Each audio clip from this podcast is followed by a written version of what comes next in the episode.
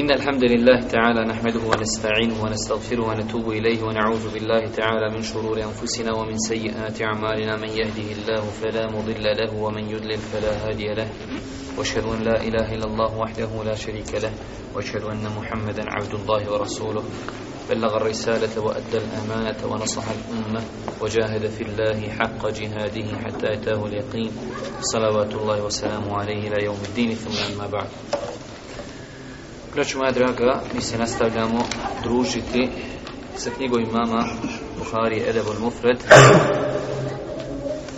U proteklim predavanjima govorili smo poglavlju dobročinstva roditeljima. Večeras počinjemo sa jednim podnaslovom u ovom poglavlju, a to je neposlušnost i nepokornost roditeljima. znači vidjeli smo u proteklim predavanjima koliko veliko mjesto u islamu zauzima roditelj. Vidjeli smo također kroz vjerodostojne hadise redoslijed po kojem treba čovjek da čini dobročinstvo svojim roditeljima, a to je znači da je Allah poslanik ali se ratu selam dao prednost majici u odnosu nad ocem.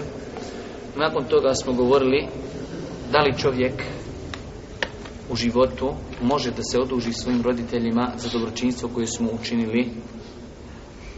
Večeras govorimo o nepokornosti i neposlušnosti roditeljima. Ako Bog da, tručemo se da predavanja budu kraća nego prije, ali eto vidjet ćemo, jednostavno neprestano pokušajemo zaokruštiti neke cjeline, pa ona i nekada predavanja budu duža nego što smo zamislili.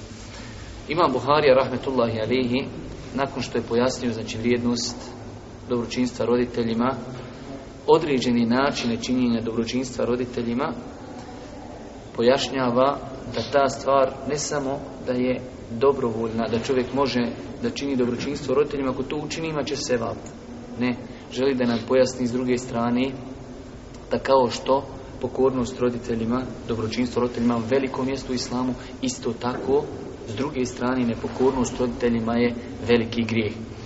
U tom poglavlju Imam Buhari rahmetullahi alej citira nam hadis Ebu Bekrata radijallahu ta'ala anhu da Allahu poslanik alejhi salatu vesselam kazao želite li da vas obavijestim o najvećim velikim grijesima ovdje znači imam opet jednu malu korekciju u knjizi ovdje je prevedeno hoćete li da vam kažem koji su najveći grijesi Ovaj prijevod nije loš, ali je potpuniji prijevod i bolji da se prevede hoćete li da vas obavijestim o najvećim velikim grijesima. Pa je tu pitanje Allahu poslanika alihi salatu wasalam ponovio tri puta.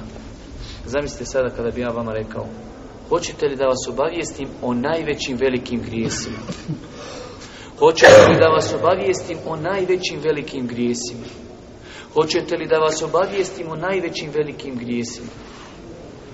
Na taj način, znači, privlačeći pažnju onih ljudi koji slušaju ono što se govori.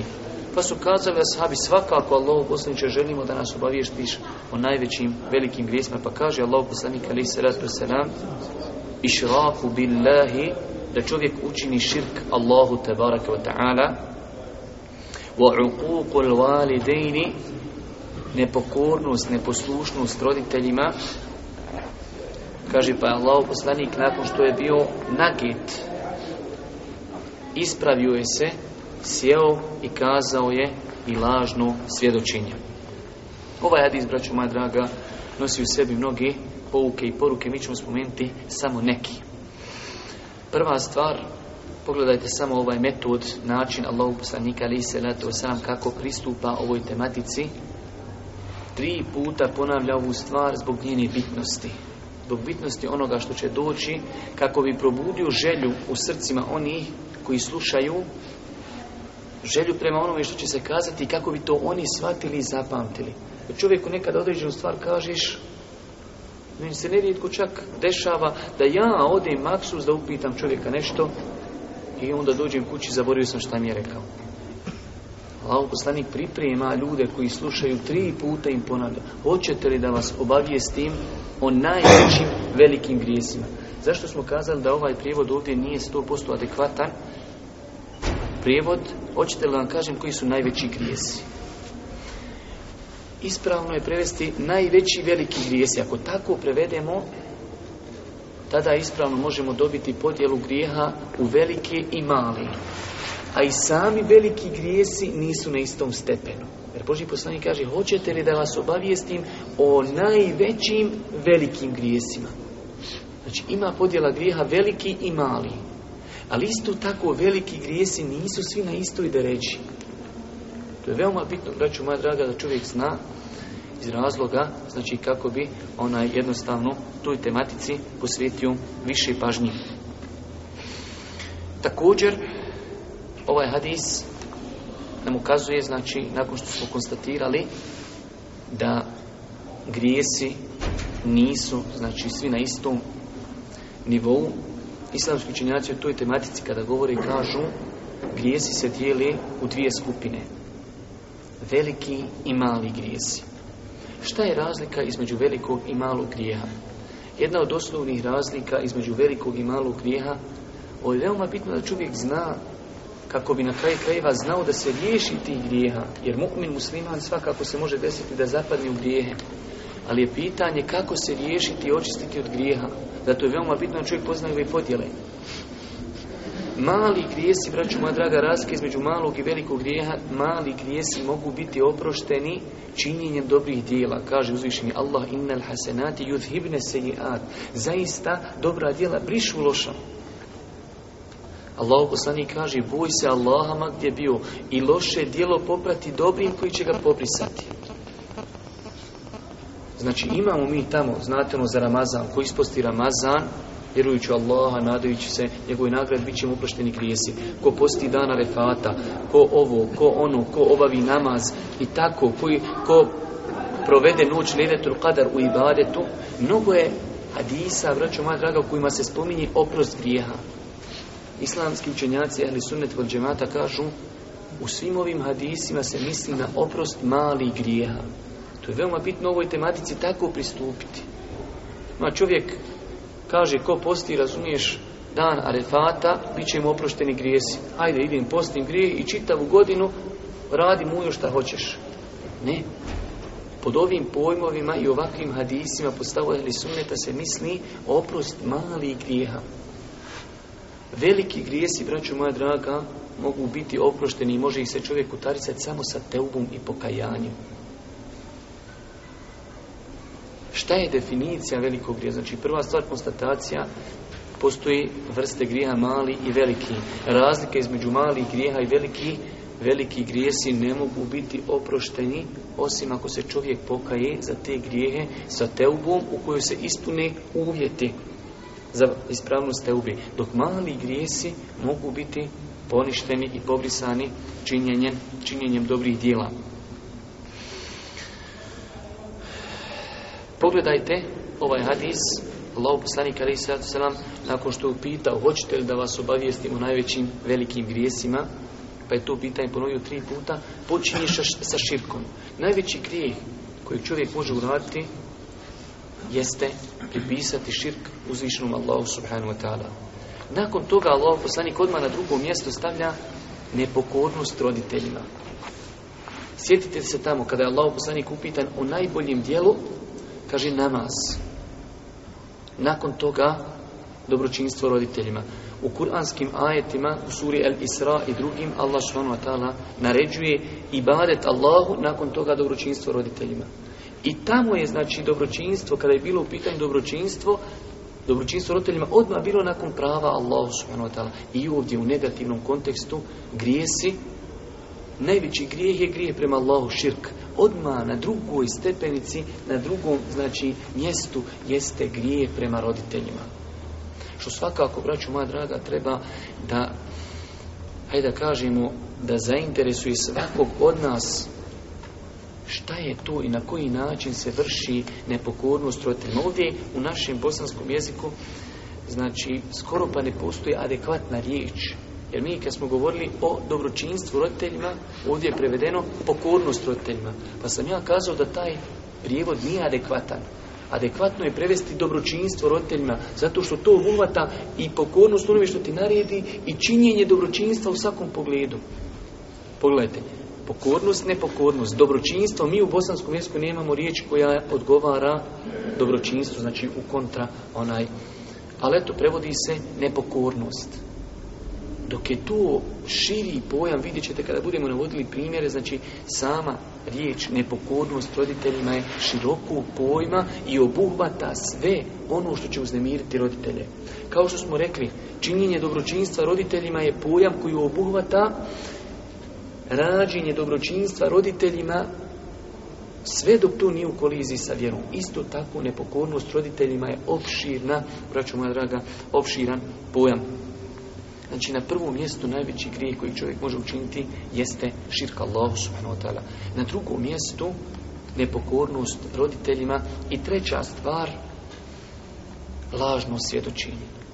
Pogledajte, Allah poslanik je bio malo nakit pa je se kaže ispravio. Da li to njegovo ispravljanje znači da je lažno svjedočenje veći grijeh od širka? Jer pogledajte, kada je širk ukazivao na širk, bio je malo pogit. Pa kada je ukazivao na nepokornost roditeljima, također bio je malo pogit. A onda se, kaže, ispravio i kazao i lažnu svjedočenje. Kažu islamski učenjaci komentaršući ovaj postupak Allahog poslanika, to iz razloga što u osnovi ljudska duša, ona koja duša je ostala na, na, na prirodi, ona bježi od širka i bježi od nepokornosti roditeljima kao što ćemo vidjeti kod ashaba, kada je Allah poslanik spominuo vrijeđanje roditelja, pa zar kaže, neko može vrijeđati roditelja? Ali lažno svjedočenje duša može tu posrnuti. Ti neko kaže, evo tauzinka, trebaš ići svjedočiti lažno, progutaš i još ako rekneš bismillah, ne do Allah i odeš prema džehennem. A znači nepokornost roditeljima, širk Allahu, to jednostavno u duši, duša to izbjegaje. Ali lažno, zato je Boži poslanik ustao, ispravio se, pridavajući toj stvari dodatnu pažnju. Druga stvar, braću moja draga, drugi hadis u ovom poglavlju, pazite, htio sam noćas donijeti neki poklon dio, ali eto, zaboravio sam ali ne vezi možemo tražiti znači nagradno pitanje pa ako neko odgovori možda mu poslije donesemo nagradu hadis drugi u ovom poglavlju nepokornost, neposlušnost roditeljima hadis od Varrada čovjek koji se zove Varrad pisar Mugire ibn Šu'be. i ovdje je malo početak preveden znači ali može se to tolerisati dolazi Mugire ibn Šu'be, pismo od Muavije kaže Mu'adija, de mi napiši nešto šta si, šta si čuo od Božih poslanika pa kaže Varrad, pa mi je Mughira ibn Šu'b izdiktirao ovo što sam napisao, da je on to čuo od Božih poslanika. Pa kaže, Mughira ibn mi je izdiktirao, čuo sam da je zabranjeno pretjerano zapitkivati ili tražiti. Zapitkivati ili tražiti, rasipanje i med kada je zabranjeno i Kile wa rekla kazala. Najbolje prevesti ovdje, znači, prenošenje e, neprovjerenih riječi, ali baš se i u nas u Bosanskom se kaže rekla, kazala, kile, Pogledajte, tri stvari je spomenuo Boži poslanik. Zašto je ima Buharija spomenuo ovaj hadis u ovom poglavlju? Nagradno pitanje. Za knjigu, ako Bog, ako će neko dobiti sljedeći put. Pazite, imam Buharija je imam. Emirul mu'minin u hadisu. I neće lako hadis spomenuti određenom poglavlju. Znači poglavlje i neposlušnost roditeljima. Ovaj gornji hadis je jasno bilo sati zašto ga imam Buharija citirao, zato što kaže Boži poslanik hoće da vas obavijesti u najvećim grijesima.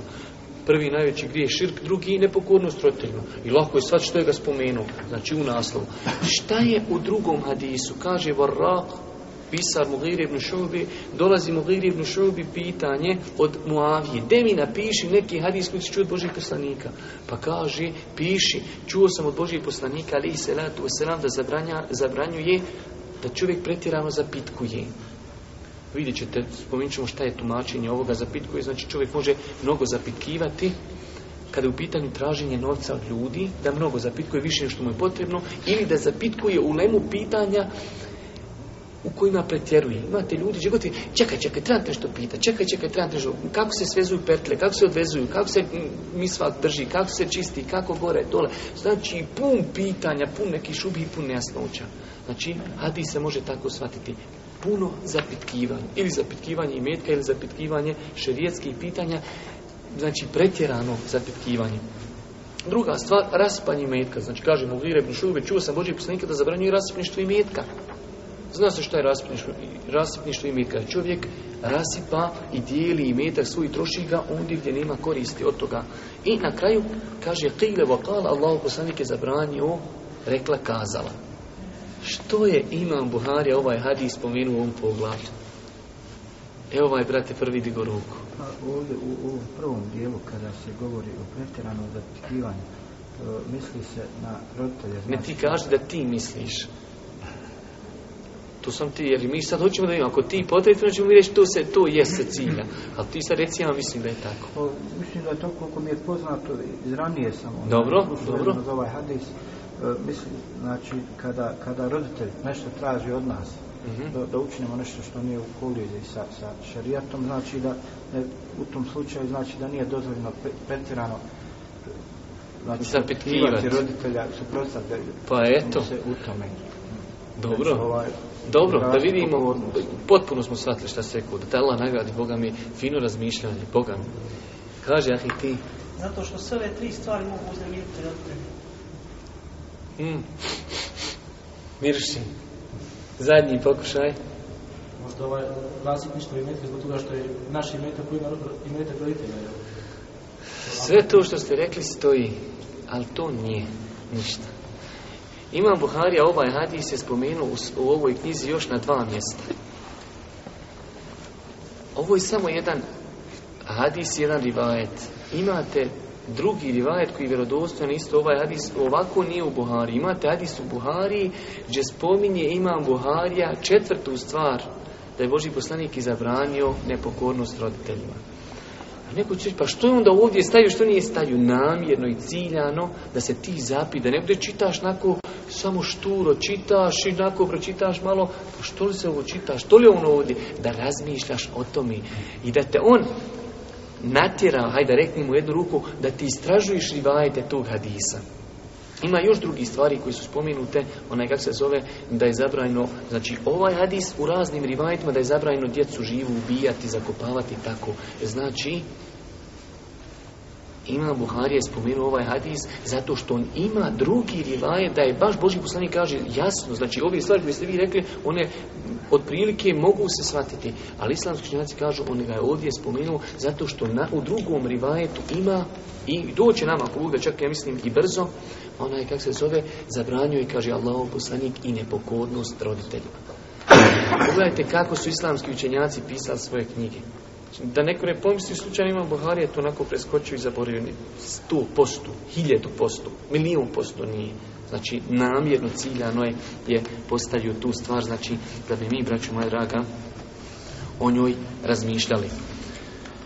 ćemo se, znači, dugo zadržavati kod ovog hadisa, jer večeras, ako Boga, imamo mnogo toga, onaj, govoriti. Malo prije one, kako se zove, interesantno je također spomenuti u kontekstu ovog ugledu sam ovdje jednu opasku, svakako lijepa, kada kaže Allah poslaniku u Madisu želite li da vas obavijestim? Također islamski učenjaci iz te riječi uzimaju da čovjek musliman treba da se interesuje šta je to veliki grijeh. Boži poslanik, hoćete da vas obavijestim, hoćete da vas podučim. Iz toga islamski učenjaci uzimaju korist, ali ah, ti si malo prije ruku, pa ćemo, možemo postati ja Bog. u mislim da Allah te što razumiješ. Onaj, kako se zove, čovjek treba da se poduči i ova tematika koliko je bitna, najbolje nam ukazuje činjenica da su islamski učenjaci kroz historiju pisali posebna djela u kojima su sakupili šta? Veliki grije. Koji dijelo je prevedeno na bosanski jezik veliki grijesi? Prevela davno poslije rata odmah aktivno islamska omladna štampala knjigu El Kebair, veliki grijesi od imama Ezehebija. To je jedno od najboljih dijela koje je napisano u poglavlju Kebaira. I interesantno i treba, braću moja draga, da čovjek pročita to kako bi znao sutra kada mu se desi da određenu stvar treba učiniti u životu, da ga to, uf, ja sam pročitao Bogan kod imama Ezehebija, jasan hadis, da je to veliki grijeh. I ne smije se lako na to čovjek da usudi, jer veliki grijeh, definicija velikog grijeha, i tu smo zaboravili spomenuti, a tu je dobro da čovjek zna, sad učenjaci se žestoko razilaze šta je veliki grijeh, šta je mali grijeh. Ali jedna od nekih najprihvatljivijih definicija velikog grijeha, veliki grijeh je onaj grijeh kojim se počinio s tog grijeha se prijeti ili dunjalučkom ili ahiretskom kaznom. Ili dunjalučkom ili ahiretskom kaznom. Svaki grijeh za koji se kaže počinio s toga, očekuje ga kazna takva ili takva ili takva, sve su to, vraću moja draga, veliki grijesi i za njih, znači vraćajući se na onu konstataciju, malo prije čovjek da bi ih se riješio iz svog nekog životnog deftera, treba, braćo moja draga, da se za njih pokaje pokajanjem u kojim su se ispunili uvjeti prihvatanja pokajanja. Dobro. Nakon što je Imam Buharija, rahmetullahi alihi, spomenuo opasnost nepokornosti roditeljima nakon što smo oko Bog da pojasnili šta je to nepokornost roditeljima općenito, a navodit ćemo oko Bog da ovaj, na kraju predavanja i vidove nepokornosti roditeljima. Znači, nepokornost roditeljima je općenit pojam. Obuhvata sve što će ih uznemiriti, Znači samo rekli smo u onoj granici kada je stvar u koliziji sa vjerom, tu čovjek ne može da im se pokori izvan toga, znači čovjek treba da im bude pokoran. Nakon toga imam Buharija, Rahmetullah alihi, dolazi sa jednim primjerom nepokornosti roditeljima. Kao što smo tamo imali isto kada je bilo dobročinstvo roditeljima, pa Imam Buharija citirao određene predaje i od, od ashaba i hadise u kojima nam pojašnjava a, vidove dobročinstva roditeljima. Ovdje isto hadis od e, Ebu Tufela se prenosi, kaže upitan je, ali upitan je Alija radi Allahu ta'ala anhu,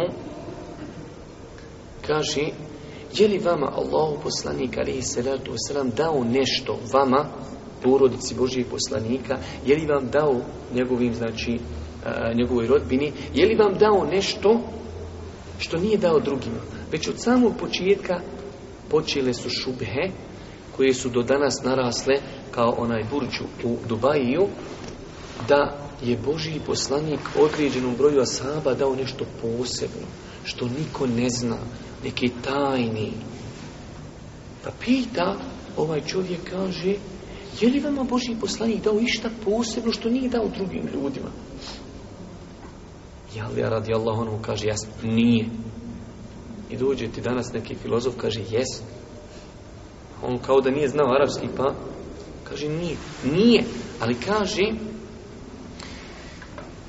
osim onoga što se nalazi u koricama moje sablje. Ima, kaže, stvar koju ja prenosim od Božih poslanika, ali ja je spominje kao da je to osobeno za njih, ali ćete vidjeti kada pročitam ove četiri stvari, da se to odnosi na čitav umet. Pa kaže, izvukao je iz svojih korica od sablji papir, na kojem su pisale četiri stvari. Neka je Allahovo prokljestvo na onoga ko zakolje i prinese žrtvu nečemu mimo Allaha subhanahu wa ta'ala ili zakolji žrtvu, znači nekom je drugom, a ne Allahu subhanahu wa ta'ala. Neka je prokljestvo na onoga ko krade međe. Neka je Allahovo prokljestvo na onoga ko proklinje roditelje. I neka je Allahovo prokljestvo na onoga ko zaštu, zaštiti, ovdje je prevedeno prijestupnika, ali znači malo precizniji prijevod je novotara četiri stvari je spomenuo Allah poslanik alaihi salatu u ovom hadisu, hadis znači vidužima muslim, svakako nema uopšte onaj potrebi raspravljati o njegovoj vjerodostojnosti. Pogledajte poglavlje Allahovo proklestvo je na onoga ko proklinje svoje roditelje. Braću moja draga, proklestvo roditelja može biti na dva načina. Nažalost, cijeli groj to ljudi ne zna što uzrokuje da ljudi padaju u ovaj veliki grijeh. Da potpadne pod Allahovo proklestvo. Boži poslanik kaže proklestvo Allahovo neka je na onoga ko proklinje svoje roditelje. I ljudi dođu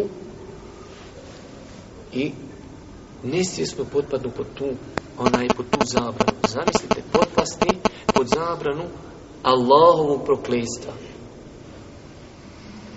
Nažalost, kažem, živimo u vremenu, i o tome smo prošli put malo detaljno govorili, kada su ljudi u pogledu grijeha otupili srca u slabosti imana, znači oslabila, tako da one najžešće grijehe, one naj, najveće grijehe ljudi čine javno. Ljudi čine, znači, ko da su to potvrđeni sunneti. Nažalost, kažemo, nažalost, kada vidite kako se ljudi odnose prema ostavljanju namaza, kada se ljudi odnose, kako se ljudi odnose prema alkoholu, kako se ljudi odnose prema laži, prema gibetu, prema razgoličenosti, prema kamati, sve to, braću moja draga, čini ko? Muslimani, ljudi koji se deklarišu kao muslimani. to kažemo, čovjek treba da izuči šta je veliki grijeh, da pročita o tom kako bi se znao sačuvati od toga. Pa kaži, je li vas Allah poslanik izuzeo nad ostalim narodom? Kaže nije. Osim onoga što ima na ovom papiru, pa prva stvar kaže Allahovo proklistvo neka je na onoga ko zakolji nekome mimo Allaha subhanahu wa ta'ala.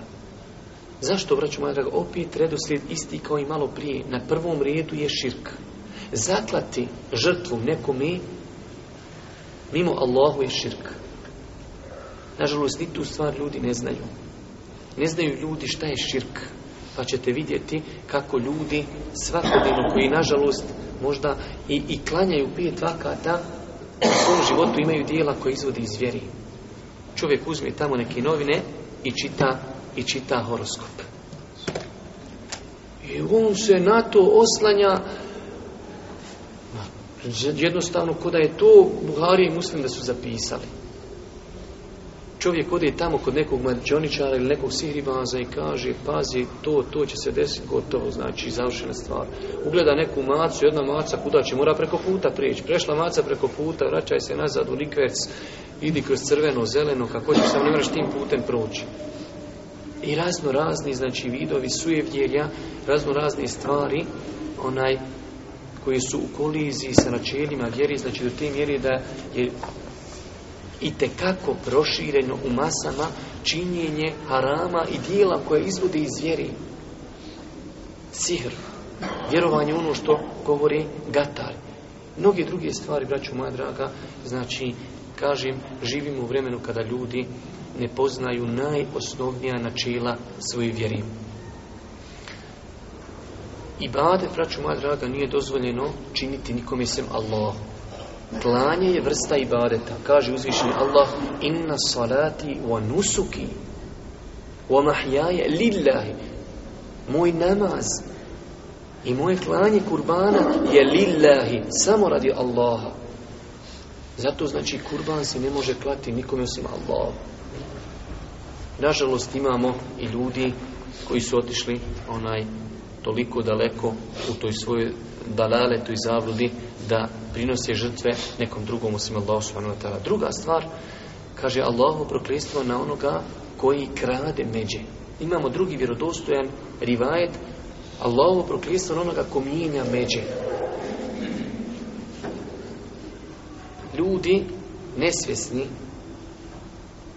prolaznosti Dunjaluka jednostavno spremni su da pomiraju međe, pa makar to se radilo između njega i njegovog rođenog brata. I koliko puta se dešava, nedavno čitam na internetu, kaže, brat brata ubio, kaže, zbog međe. Kažem, reko, ženo, ajde da pročitamo dole, ovo sam krajišnici mogu. Kad dole stvarno bosanska krupa. I tako, znači, ljudi se pobili zbog međe i čovjek brat ubio brata. Zbog međe. Zbog možda metra zemlje kojeg neće ni on sa ponijeti u kabur, niti ona od kojeg je uzeo. Ali eto, nažalost, znači, onaj prvo što tu na Dunjaluku nosi mnoge negativnosti, dolazi dosta puta do raskola, dosta, dolazi do svađe, ali je to, braću moja draga, također veliki grijeh. Treća stvar kaže, Allahovo proklinstvo neka je na onoga ko proklinje roditelje. Proklinjati roditelje, braću moja draga, Prokljestvo roditelja može biti na dva načina. Direktno i indirektno. Ovaj indirektni način nam je interesantniji i bitniji. Proklinjati roditelje direktno znači da čovjek toliko oslabi, toliko pocrni njegovo srce da proklinje svoje roditelje. U ovom hadisu znači se tako žestoko prijeti da je Allahovo prokljestvo Znači prokljestvo u osnovi znači udaljenost insana od Allahovog rahmeta, znači neka je Allahovo prokljestvo na osobu koja proklinje svoje roditelje, jer kako je moguće da čovjek zaboravi svo dobročinstvo koje su mu učinili roditelji i toliko se njegova priroda izopači da je spreman da proklinje svoje roditelje. Zato pa imate vjerodostojno hadis da kaže Allah poslanik Lejsel mu'minu bit taan wala bil la'an Nije mu'min onaj koji napada, koji vriđa, koji proklinje. Imate ljudi, nažalost opet i u današnjem vremenu, šta god da se kaže, taj, takav, taj, takav, Allah ga ubio, Allah ga prokleo, Allah ga ponizio, Allah ga vaku, Allah ga nakon. Znači njegov jezik je znači, prepun klijeti, prepun e, vrijeđanja, što, braćo moja draga, nije svojstvo mukmina. Čak, znači, imate fiksko pitanje, u koji se može na kraj krajeva i vezivati akidsko pitanje, da li je dozvoljeno dobiti i tu smo trebali već u prošlom predavanju spomenuti, da li je dozvoljeno dobiti za roditelje koji su nevjernici, a živi. I stave li sunneta da je dozvoljeno dobiti za roditelje koji su nevjernici, a živi. Nevjernik, ali je dozvoljeno za njega dobiti za uputu, kada umri, ako se zna da je umro na kufru i na širku, tada prestaje biti dozvoljeno doviti za njega. Jer gotovo, znači čovjek je umro, otišao e, kao nevjernik i završena stvar. Više nije zašto dovit I došli su jasni argumenti u Kur'anu i sunetu Božih poslanika da čovjek koji preseli kao nevjernika za njega se više nije dozvoljeno dobiti. Ali dok su ljudi živi, čovjek treba da dovi, da radi dobročinstvo ljudima, Boži poslanik židovski dječak, što je došlo u Disu Buharije, na samrtnoj posteli, on kao prijesednik države, on kao muž, on kao vojskovođa, on kao kadja, on kao imam, nalazi vrijeme da gode obići. Koji normalno reći, Allah ga prokleo, Allah ga ubio, Allah ga ponizio, da Bog da umru, da Bog da vako. Nije to, kaže Allah poslanik, nije mu'min ta'an, wala la'an. Nije mu'min taj koji proklinje, nije mu'min taj koji vrijeđa. I ovdje baš Mu'min ne može da vrijeđa nekog drugog mu'mina, kamoli da vrijeđa svoje roditelje, koji su mu toliko hajra uradili u životu. Koji su ga toliko zadužili, kao što je došlo prošli put u na hadisu, da se čovjek ne može odužiti svojim roditeljima. Ne možeš mi se nikako odužiti, osim da ih nađeš u robstvu pa da ih otkupiš iz robstva. Znači ne postoji I Kako može ljudska priroda da se toliko izopači onaj da čovjek da čovjek proklinje svoje roditelje.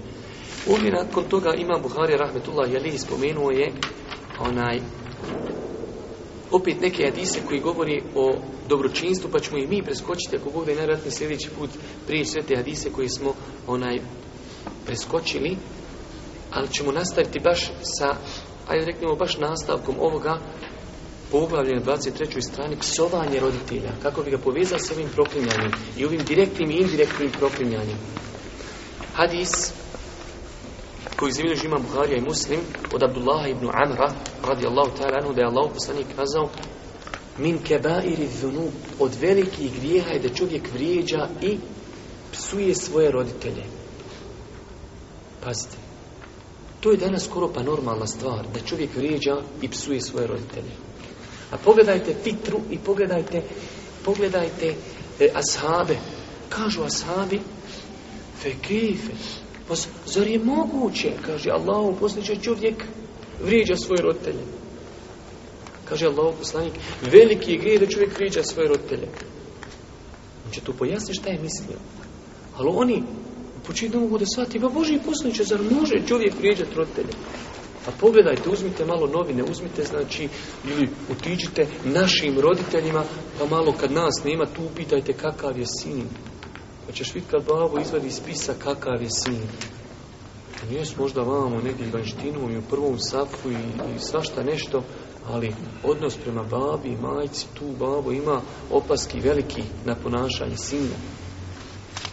Pa kaže, a babo poslanika se ratu E, od velikih grijeha je i da čovjek vrijeđa i psuje svoje roditelje. Kažu sahabi Allahu poslaniče, zar je moguće da čovjek vrijeđa i psuje svoje roditelje? Pa kaže Allahu poslanik Ali čovjek kaže, vrijeđa drugog čovjeka, pa on onda vrijeđa njegovu babu i To je ono što smo rekli malo prije. Imate direktno vrijeđanje, imamo indirektno vrijeđanje. Čovjek toliko mora paziti na svoje roditelje, da sutra kada se s nekim svadi ili prepiri, da pazi da njemu ne kaže nešto zbog čega će on početi vrijeđati njegove roditelje. To je, braću moja draga, veliki grijeh. Veliki grijeh je da uvrijediš nekoga, pa on nakon toga uvrijedi tvoje roditelje. Pogledaj koliko je mjesto roditelja u islamu. Da moraš paziti šta ćeš drugim ljudima reći da oni ne bi uzvratili tebi tako što će ti vrijeđati majku i babu. moja draga, veliko mjesto roditelja u islamu. Imamo isto drugi hadis u ovom poglavlju, znači skoro identičnog značenja, e, kod Allah subhanahu wa ta'ala je veliki grijeh da čovjek izloži svoje roditelje tuđim vrijeđanju, znači ili da on bude uzrokom njihovog vrijeđanja. Baš tako na način. A vi, vi znate kakav je danas žargon kod naših omladinaca, nažalost i nekada momaka koji dolazi u džamiju, možda dolazi na džumu ili možda su jučer izišli, izišli iz neke mektepske pouke, što nikako ovo ne znači vrijeđanje mektepske pouke, već je to vrijeđanje tih dječaka i vrijeđanje njihovi, njihovog kućnog odvoja, da je normalna stvar da djeca jedni drugima psuju roditelje.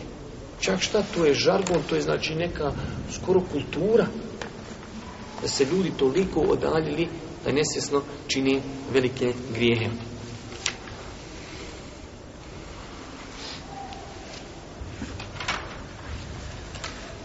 I imamo, braću moja draga, zadnji hadis koji ćemo večeras ako Bog da spomenuti. To je kazna za neposlušnost prema roditeljima. Či znači, vidjeli ste, prva stvar, govori se o zabrani nepokornosti, neposlušnosti roditelja, da je to veliki grijeh. I to ne samo veliki grijeh, da je to jedan od najvećih velikih grijeha. Pa smo onda vidjeli primjere imama Buharije kroz hadise vjerodostojne da je znači onaj proklinjanje roditelja veliki grijeh i da je prokljestvo Allahovo na onoga ko proklinje svoje roditelje. I čovjek se zapita nekad u životu što mi nešto u životu ne ide. Kako čovjek može koji nije dao prava svojim roditeljima postaviti to pitanje zašto mi nije u životu. Ma možda je čovječe na tebi Allahovo proklijestvo i ne ide ti u životu. Čovjek treba prvenstveno se preispita svoj odnos prema roditeljima jer su oni, znači kao što smo spomenuli neprestano, nakon prava Allah najveća prava imaju naši roditelji kod nas. Nažalost, rekli smo, Nerijetko nam se dešava da ljudi u društvu se lijepo ponašaju, imaju lijep moral, imaju lijepo ponašanje, obilaze prijatelja, obilaze, imaju vremena za svakoga, hajde na kafu, idem na kafu, hajde na sastanak, idem na sastanak, ali kad babo nazove, dođi, trebaš nešto raditi, Može li sutra, što baš ja, što nisi onog starijeg zovnu, imaš čerku, što ona ne dođe iz Austrije, što moram ja dolaziti ovdje i tako. Znači, braću moja draga, pravo roditelja je veliko do te mjere, znači da smo vidjeli da je čak indirektno vrijeđanje i psovanje roditelja veliki grije. Indirektno. Da ti uzrokuješ da ti neko uvrijedi oca ili majku, znači da, da je to veliki grije. I na kraju, znači imam Buhari, rahmetullahi alihi, onaj završava ovu poglavlje hadisom vjerodostojnim hadisom, također opet od Ebu Bekrata, radijallahu ta'ala anhu, še je Albani potvrdio vjerodostojnost ovog hadisa, da je kazao Allah poslanik alaihi salatu wasalam, ne postoji nijedan grije da je preći da mu se ubrza kazna na dunjaluku sa svim onim što taj grije nosi od kazni na ahiretu od dvije stvari. Zulum i nepravda i skidanje rodbinskih veza. Ovdje, vraću moja draga, ovaj ćemo hadis ako Bog da ponovo citirati, jer drugo odmah poglavlje nakon dobročinstva roditeljima, imam Buharija je u takvu knjigu, nakon dobročinstva roditeljima od dva idemo stepen niže, to je šira rodbina. Ovaj hadis, opet možda neko ko bude šturo čitao, reće, šta je imam Buharija ovdje spomenuo, kazna za neposlušnost prema roditeljima naslov. A citira nam dole hadis u kojem se spominje rodbina. Imate nešto što se zove, braću draga, u šarijetu?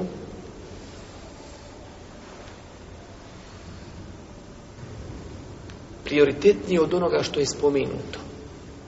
Imate u Kur'anu, tamo Allah Jeršanu kaže i nemoj reći svojim roditeljima uh. Dođe neko, ode tamo i bavi šamar zvizni. Kažu šta to radiš? Kaže, ja mu nisam rekao uh. Allah Jeršanu rekao, nemoj mi reći uh. Zvizne mu šamar. To se podrazumijeva, ti Allah zabrani da mu rekneš uh, sve što je već u tome ne treba spominjati. Tako i ovdje, ovaj hadis, kako sa njim dokazati ono što ima Buharija želi. Ako Allah subhanahu wa ta'ala kaže, jedan od najprećih grijeha zbog kojeg se treba ubrzati kazna insanu na dunjalku sa svim onim što nosi na hip, to jeste kidanje rodbinskih veza.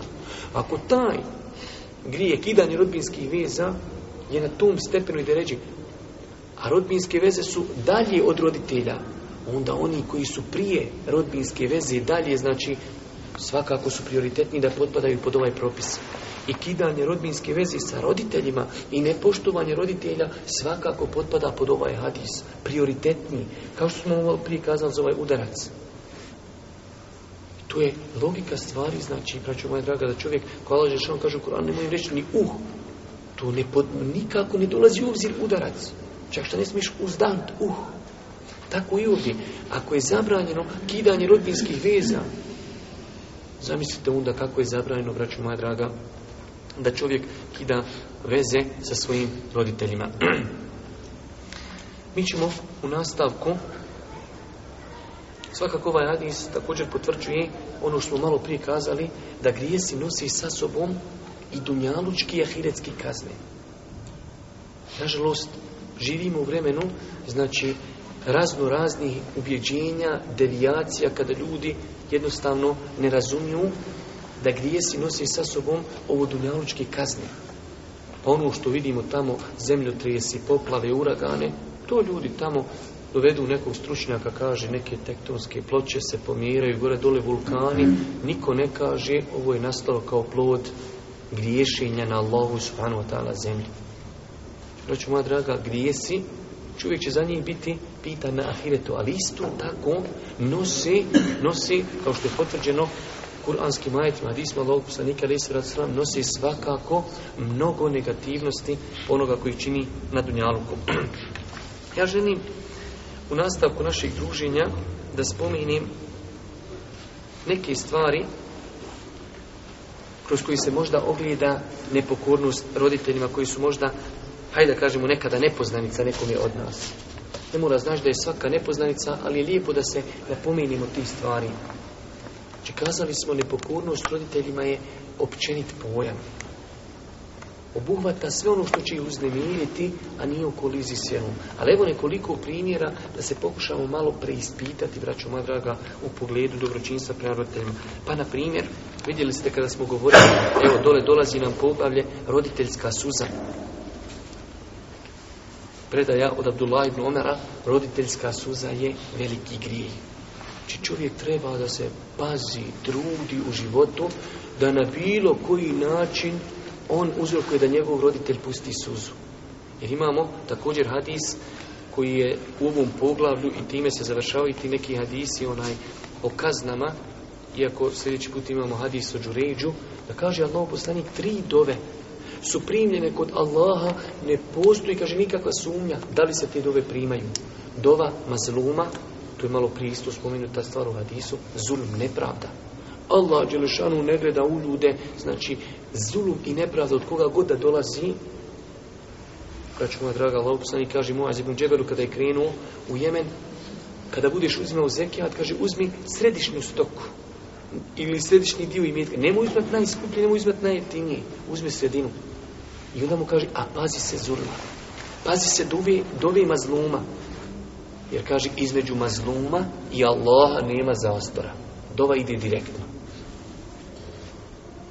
Zato znači zulum, zulum, nepravda, braću moja draga, čuvajte se zulma, čuvajte se nepravdi. Na bilo koji način. Zato kaže Boži poslanik, znači, pogledajte što kaže jedan šejh, šta je zajednička stvar za svetli ove dove? Kaže Allah poslanik, tri dove će biti primljene u, mimo uopće sumnje u to. Dova mazluma, dova musafira i dova roditelja. Šta je zajedničko za sve tri ova insana i za, za sve tri ove vrste? Čovjek mazlum na jednoj strani. Na drugoj strani čovjek musafir. Znači ga Boži poslanik kaže, njegova dova se prima. I na trećoj strani dova roditelje. Šta je zajedničko za sve, za, sve, za, za ljudi? Znate, Boži poslanik kaže, Allah ne prima dovu koja izlazi iz nemarnog srca. Sve trojica ova ljudi dovi iz krušenog srca. mazlom kad mu naneseš nepravdu, on kad ti ustane Habibi na veći, kad on podigne ruke, on više njega ništa ne interesuje. On se žali svom gospodaru. I on, gotovo, on ne razmišlja više ni o, ni o otavi, ni o sinu, ne razmišlja ni o čemu, on hoće da se požali gospodaru. Ta dova zato ide direktno. Isto mu safir, njegovo srce nema u njemu gafleta. Zašto?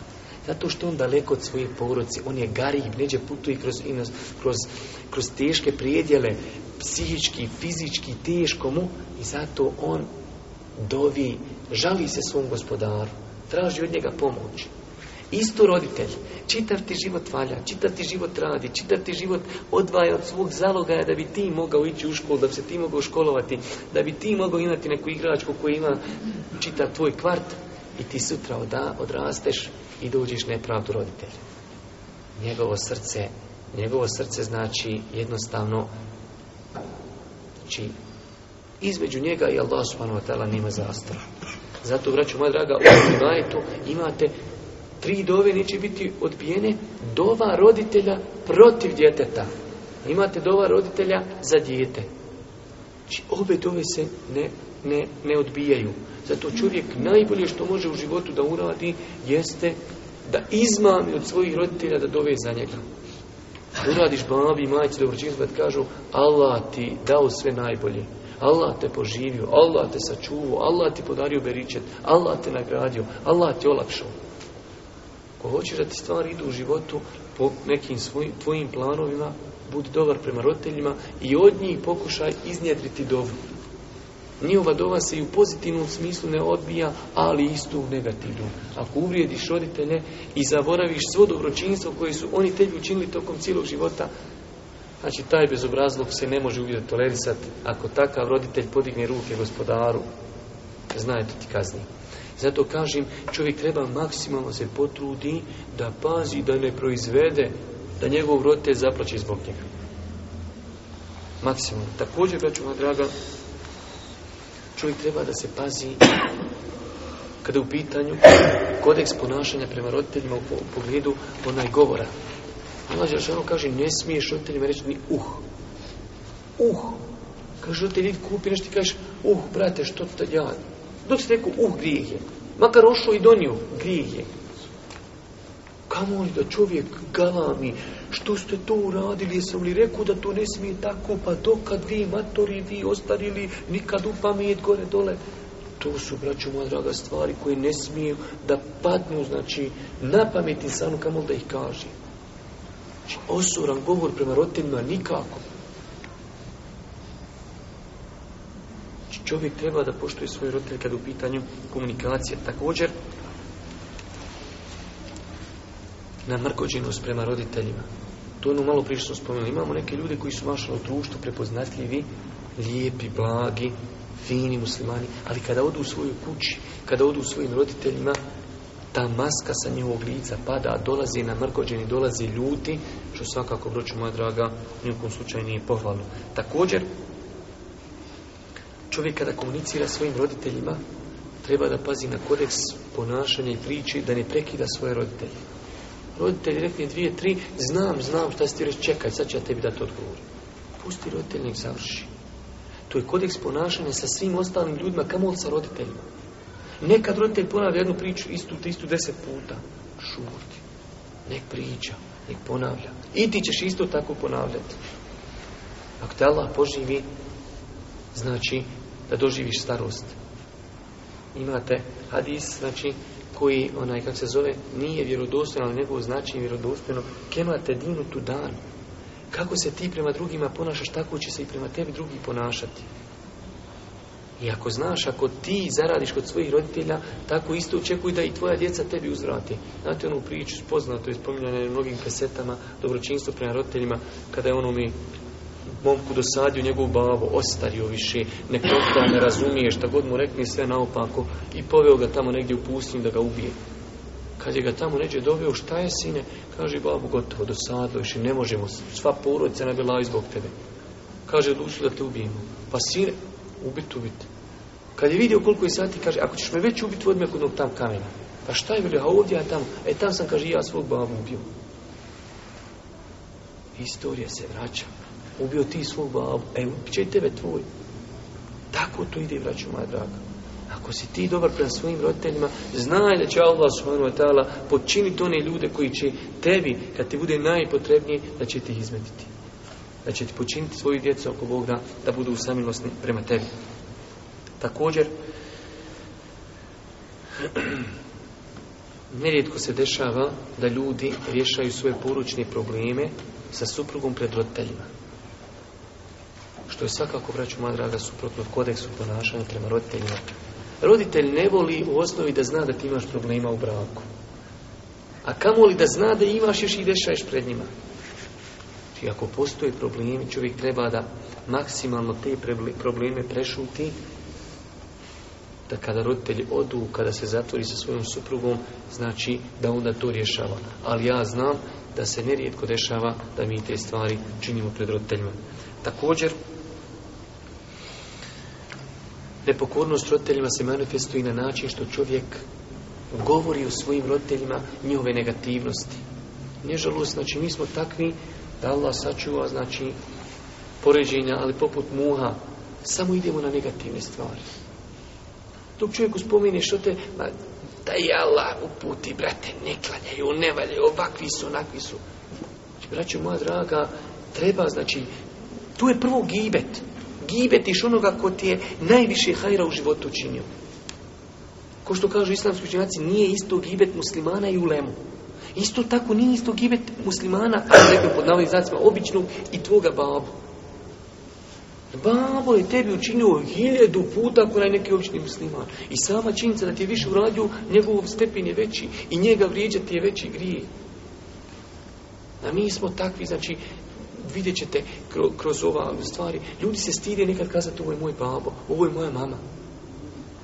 Stidi se, zato što je babo možda malo stariji, možda čovjek malo naget, možda hera ili možda nema bradu ili ovako i onako, onako s babom. Nemoj kraj džami, nemoj kraj da me neko ne vidi s tobom. Pa zar se to ne dešava? Ovo je moj baba, ovo je moj babuka. Ma ja njega nosam ko malo vodi na dlanu čovječe, on je meni džennet i džehennem. Znači ne smijemo te stvari, braći moja draga, dozvoliti šetan da nam priđe iz tog aspekta. Moramo roditelje, znači, u zvijezde ukivati. Mi smo takvi, kažem, dok ti neko priđe, da i Allah uputi, brate. Sa njima uvijek bjela, Ma šta god im rekneš, ne privataju. Zar nemaš ništa posebno da o njima i pozitivno spominješ Da i Allah nagradi, brate. Čitav život su na škola, šta god sam zinu, ka, dali su mi. Gdje god sam želio da idem, udovoljili su mi. Omogućili su mi se da se oženim, napravili mi kuću, kupili mi ovo, kupili mi ovo. Toliko stvari u životu pozitivni i ti samo na ne tri ili pijet ili deset negativnih stvari. Či čovjek se treba čuvati, braću moja draga, takve stvari. Svakako je to onaj nepokornost roditeljima. Također, čovjek se treba čuvati nepokornost roditeljima tako što će uznemiravati roditelje donošenjem u kuću onoga što oni ne voli. To se nekada prije ogledalo u donošenju televizije. Stari ljudi, ja se sjećam, još sam ja relativno mlad, kada su stari ljudi se zakretali od, od filmova, su ljudi smatrali da je to šetan, ispostavilo se da je to šetan i to onaj krupni, nije to mali neki šeki, to je onaj debeli. Ljudi su to u početku, dok su još srca bila čista od grijeha, ljudi su to prezirali. I mnoge druge neke stvari. Roditelj kaže se, nemoj sine to donosti u kuću, nemoj sine to nabavljati, nemoj sine to. Znači čovjek treba, braću moja draga, da te stvari pazi. Također, čovjek treba da pazi kao što smo malo prije rekli, da svojim ponašanjem ne uzrokuje vrijeđanje roditelja, isto tako da svojim ponašanjem pazi i na kredibilitet roditelja. Sutra kada hoćeš nato određenu aferu, nek ti napadnu roditelji. Jer mislite da je fino roditelju kad mu kažu tvoj sin napravio aferim, eno ga u zatvoru. Jadnik ni kriv, ni dužan. Ništa nije uradio, mora da se, da se sakriva tam neđe po komšiluku. Što? Sin u zatvoru. Sin se posvadio s ovim. Sin ukrio nešto od komšiluka. Aj što se sin mora sakrivati? Što se sin mora sakrivati? Babo se mora sakrivati, ni kriv, ni dužan. Ko je ga u to urno? Gurnuo ga njegov sin. Kad hoćeš napraviti neki prijestup, pazi, neki napadni tvoj babo. Da je to grije prema njemu. To što ćeš ti griješiti i što će tebe ganjati policija i što si ti odgovora predavao u to je drugo. Nek ti napadne tvoj babo. Znači, reći moja draga, moramo paziti na kredibilitet svojih roditelja. Također,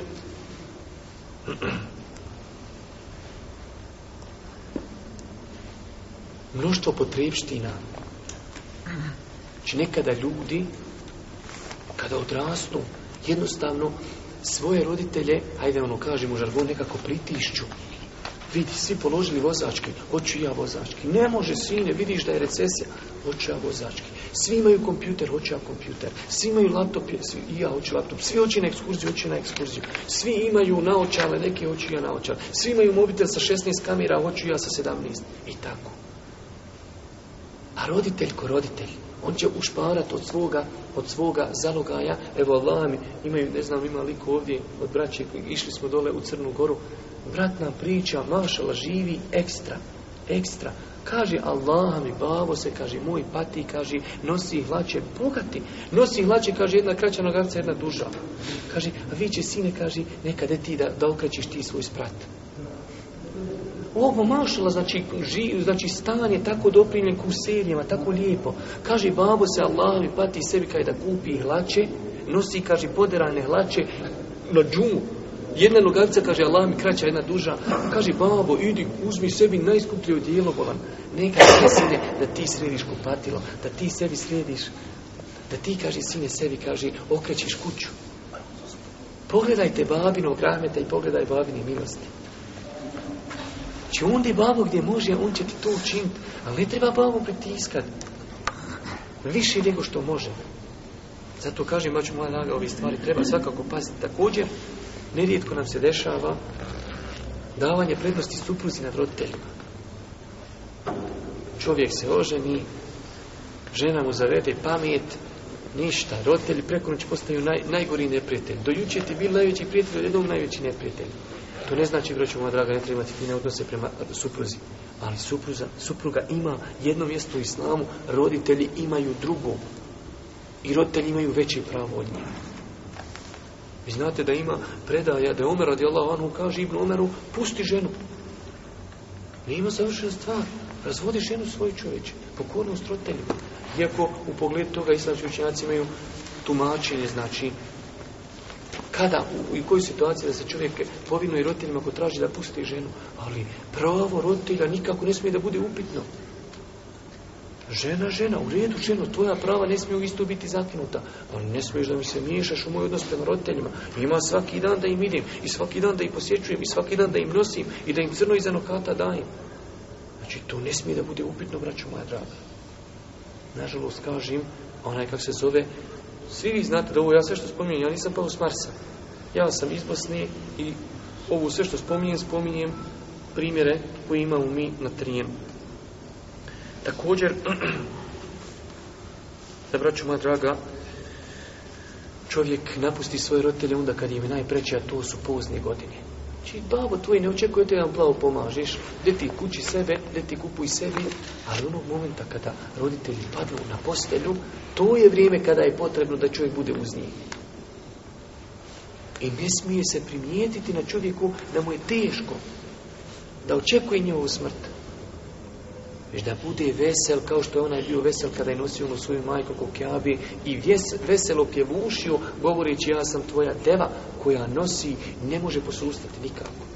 Či znači, rođe, čovjek ne smije, vraću moja draga, da roditelje u tim teškim momentima ostavi na cjedilu. Također,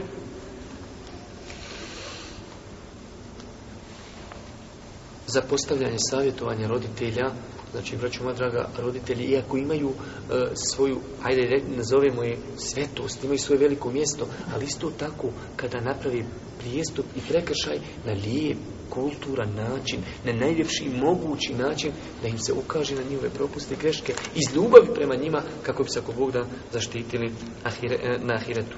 Također, škrtarinje. je u osnovi, braću moja draga, pokuđeno svojstvo, a naročito kad su pitanje pitanju roditelji. Sjeti se samo šta su roditelji u tebe uložili. Koliko truda, koliko znoja, koliko novca, koliko neprespavanih noći, koliko brigi izišu, da li će ga nešto preplašiti, da li neće, da li će doći, da li će se vratiti. Sve to, vraćaju moja draga, prolazi kroz glavu. I najbolje kako čovjek može shvatiti roditelje jeste kad ima svoju djecu. Ja danas, Allah, na jednu stranu zgrade pitam svoje dijete, djete je sestra, kaže, ošla je kući. Ja u kući čekam dvije, tri minute, nema djeta. Ja se oblačim, Allah mi, trčim i zastepet se da vidim gdje je, šta je, da nije se šta desilo, da je nije čuko pripao, da je nije neko uzeo. Ona ošla do zgrade pa se opet vratila tamo braći, tako. E tako isto naši roditelji su gledali na nas. I danas čovjek dođe, Allah otvori, risk otvorimo na faku i roditeljima. Dao sam vam prije šest mjeseci sto maraka, bi bilo da vam dajem. Šta da mu otvoriš novčanik i kažeš uzmi koliko hoćeš. I kad uzmi koliko hoće da mu još na to dadneš. Da ne osjeti trun ustručavanja u tvom novčaniku čovječe. On je taj. Mi, nažalost, daćemo za Palestinu, daćemo tamo za neki socijalni slučaj. Tvoj babo je najprioritetniji socijalni slučaj. Njemu prvo moraš dati. I to koliko hoće. Znači, to su nam najveći prioriteti u životu, braćo moja draga. Ne smijete nikada zaboraviti Adise, da mu se ne može odušiti nikako. Da, su, da je džene po majčinim nogama. Tako treba na roditelje gledati. Također, prigovaranje, braćo moja draga, prigovaranje na usluzi. Prigovaranje je pokuđeno u vjeri, a naročito da prigovaramo svojim roditeljima.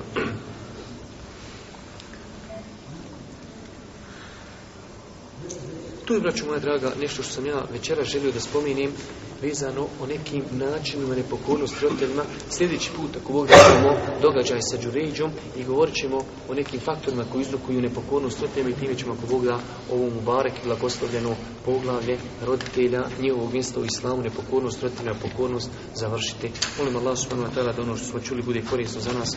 Molim Allah subhanahu wa ta'ala da nam olakša prakticiranje onoga što smo čuli. Molim Allah subhanahu wa ta'ala da nas učesti na putu istini. Molim Allah subhanahu wa da nam bude milosti na sudnjem danu, da pomogne braću muslimane ma gdje bili na kraju subhanak Allahumma wa bihamdike ešhedu la ilaha illa ente astaghfiruke wa to ilaik